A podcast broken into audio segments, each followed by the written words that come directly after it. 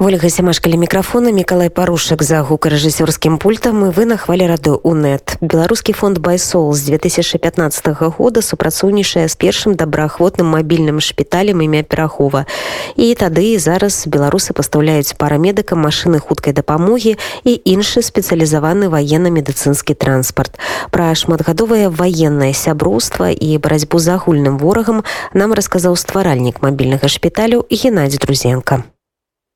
Мене звуть Геннадій Друзенка. Я науковець конституціоналіст по моєму бекграунду, але з 2000 13 року з часів майдану так сталося, що моя доля дуже щільно переплилася з медициною, і останні сім років я співзасновник і керівник першого добровольчого мобільного шпиталю імені Миколи Перегова, одного з найбільших добровольчих медичних утворень, що бере саму активну участь в війні з Росією. Ну і не побоюсь сказати, є однею з легенд цієї війни, оскільки для нас вона почалася не півтора місяці тому, не 24 лютого 2022 року. А в 2014 році, коли Росія почала окупувати Крим, і навіть трохи раніше ще на майдані, оскільки ми добровольці, ми працюємо з цивільними медиками. Хоча, чесно кажучи, окрім погонів форми і зарплати, жодної відмінності між військовими і цивільними медиками немає. Ба більше в 2014 році, коли війна тільки почалась, у цивільних медиків, які працювали, скажімо,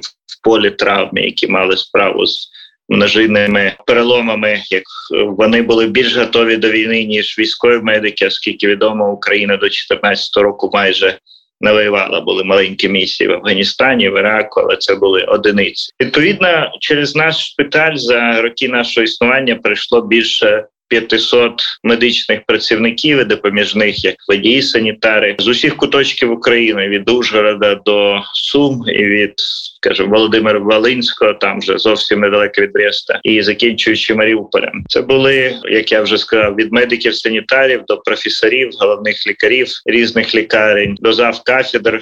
І навіть був е, у нас начмедом Олександр Лінчевський, який потім став заступником міністра охорони здоров'я. Тому ми бачимо, що щоб бути добровольцем, потрібне покликання серця, потрібна готовність переносити якісь незручності, залишити свій звичний стиль життя. Бо на сході України на Донбасі наші медики жили там, де лікували це або в військових частинах, або при фронтових лікарнях. А в Києві і в Житомирі, де зараз розгорнуті і працюють наші загони, більшість живе там, де і працює, там де і харчується. Це база Норд, тобто на північ від Києва, і база центр це в центрі Києва, колишній офіс одного з найбільших синтенків, тобто аналітичних центрів України. Зараз все як ми зви казали наші діди, все для фронту, все для перемоги. Тому зараз, звичайно, у мене трохи інша проблема. У нас величезна там щодня приходять сотні заявок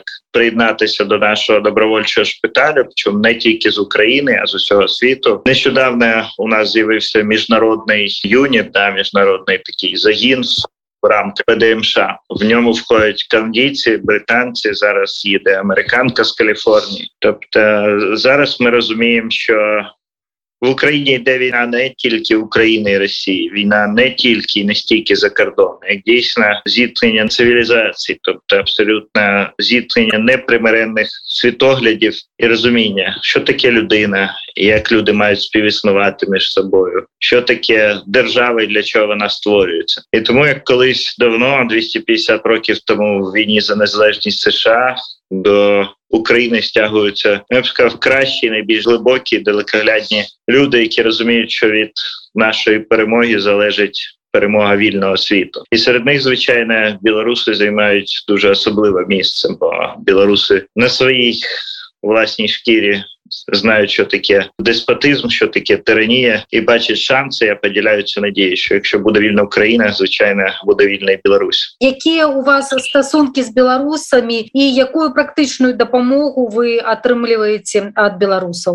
У нас давні дуже теплі стосунки завдяки моєму другу, близькому другу Андрію Стрижаку, який в 15-му році сам знайшов нас, і ми жартували, що у нас були швидкі допомоги двійка з Німеччини, щось з Британії, щось там, з інших країн. Але три машини, дві швидкі, одна така медична евакуаційна, були саме білоруська допомога. Відповідно, стосунки у нас тривалі. Знаєте, коли люди довго співпрацюють, вони відчувають плече один одного і дуже швидко ухвалюють рішення і виконують, бо є те, що Фукуяма називав соціальним капіталом, тобто довіра і відчуття іншої людини. В перші дні війни Андрій мені подзвонив і сказав, що вони будуть всіма силами через Байсол допомагати нам. І на сьогодні ми вже маємо більше п'яти, напевно, автівок. Ну трошки там між п'ятю і десятьма я б трохи збився з рахунку, бо вони приходять з усіх. А знову ж таки, попри те, що інші допомагають своїх країн, тобто десь задіючи свої уряди, саме білоруська демократична діаспора, я б сказав так, білоруси в екзилі залишають одним із наших основних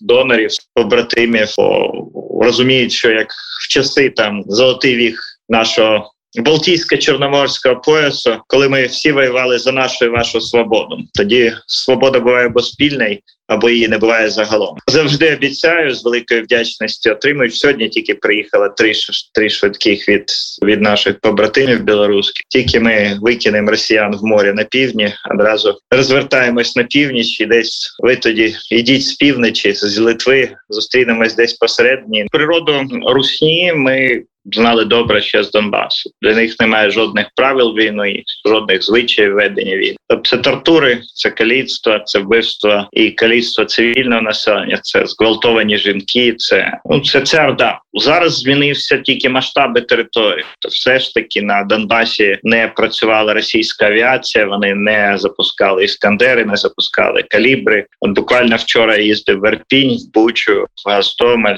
єдине питання, яке залишається. А навіщо? Тобто таке враження, що вони ненавидять життя як таке, тобто, що вони настільки ущербні люди, що вони просто нищать все, що викликає у них нездорову заздрість, злобу тільки тому, що ну всіх це дуже милі містечка, такі міста супутники Києва. І ти розумієш, що просто у них це мав по цьому, що бачили. Ми бачимо цивільні міста, ми бачили трупи на вулицях, ми бачили розбиті, розграбовані там будинки, якісь об'єкти цивільної інфраструктури. Такі слова витептали як сарана, і пішли далі. Їх не цікавить, лише по ним. Навіть після нацистів в Україні лишилися кілька добрих доріг, бо вони будували логістичні ланцюжки. Ці ж русня були на заводі Антонова, де вони знищили мрію найбільший літак в світі. Коли заходиш там, де жили, тобто їжа, якісь речі кинуті. У мене взагалі встає такий, знаєте, сумнів. Я то людина західної цивілізації, чи дійсно якби це от з цих е, орків, як ми їх називаємо, чи дійсно вони той самої природи, чи дійсно це той самий вид Homo sapiens. Тому єдине, що вони заслуговують, це удобрювати українську землю. Саме тому ну там іноді говорять про полонених. Ну як правило, їх просто знищують, знищують, тому що вони самі обрали долю. Вони настільки дурні, що навіть не розуміють, що сидіти в російській тюрмі краще ніж лежати в українській землі. Це їхній вибір. Якби їх сюди ніхто не запрошував, їх попереджали. Вони пішли. Вони пішли. Відповідно, виявили, що сила і непереможність російської армії другої в світі це міф їхні танки чудово горять, їхні літаки чудово падають, їхні гелікоптери чудово збивають. Їхній там хваленний спецназ нічого не може здіяти. А кадирівці голять бороди і перевдягаються в цивільне, аби хоч якось втікти. З того пекла, які в яке вони потрапили в Україні, тільки сьогодні нам розповідали в Бучу історію, як прийшла русня, намагалась забрати шуб. Після чого українська жінка забрала одного автомат, наставила і всі шуби повернулися в шафу. Це про якість цієї хвальоної армії. Тому сябри, ви не зробили доленосної помилки. Нам би зараз було легше. Треба було стріляти, коли стріляли в вас. Запам'ятайте простий урок. Ви не можете оцю орду зупинити е, поцілунками, квітами і всім іншим. Ворог має бути знищеним. Я думаю, що наразі ми бачимо білоруський полк, і саме треба вивчити простий урок. Ми звільнимо звичайно Україну, звільнимо Білорусь, але зло треба перемагати сили. Зло не розуміє любові. Ці доводилося вам лікувати і рятувати поранених ворожих військових. Ні, для чого в мене є пістолет? У мене багато роботи. А я не медик, я можу собі дозволити. Медикам не доводилось. Але якщо на Донбасі я казав, що будь-яка людина залишається людиною, тільки поранена. Після того, що ми побачили в рідному місті, які вони закидали своїми крилатими балістичними ракетами. Після цього ми побачили в околицях рідного міста, яке я там тисячі разів проїжджав. Ні, щурам щурача смерть. Ніякого милосердя не буде. Лікувати їх навіщо? Нас повторюсь, білоруси, запам'ятайте, щурам щуряча смерть. Ви ж не лікуєте щурів, які живуть вдома, не лікуєте тарганів.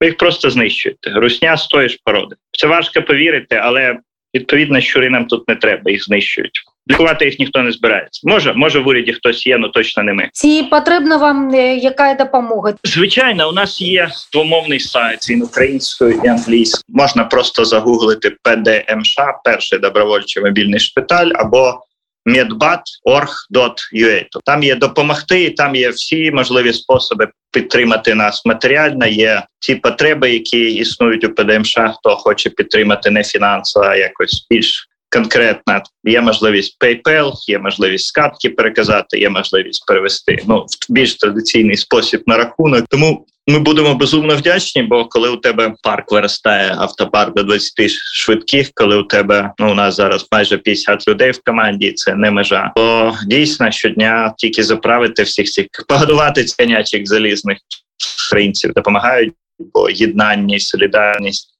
Такі, які я навіть не пам'ятав на майдані, але хто хоче допомогти, ми будемо безумно вдячні і повірте друзям і сябрам. Ми сторицею віддаємо борги. Віддячимо, коли звільнимо Білорусь, чи коли будемо звільняти Білорусь.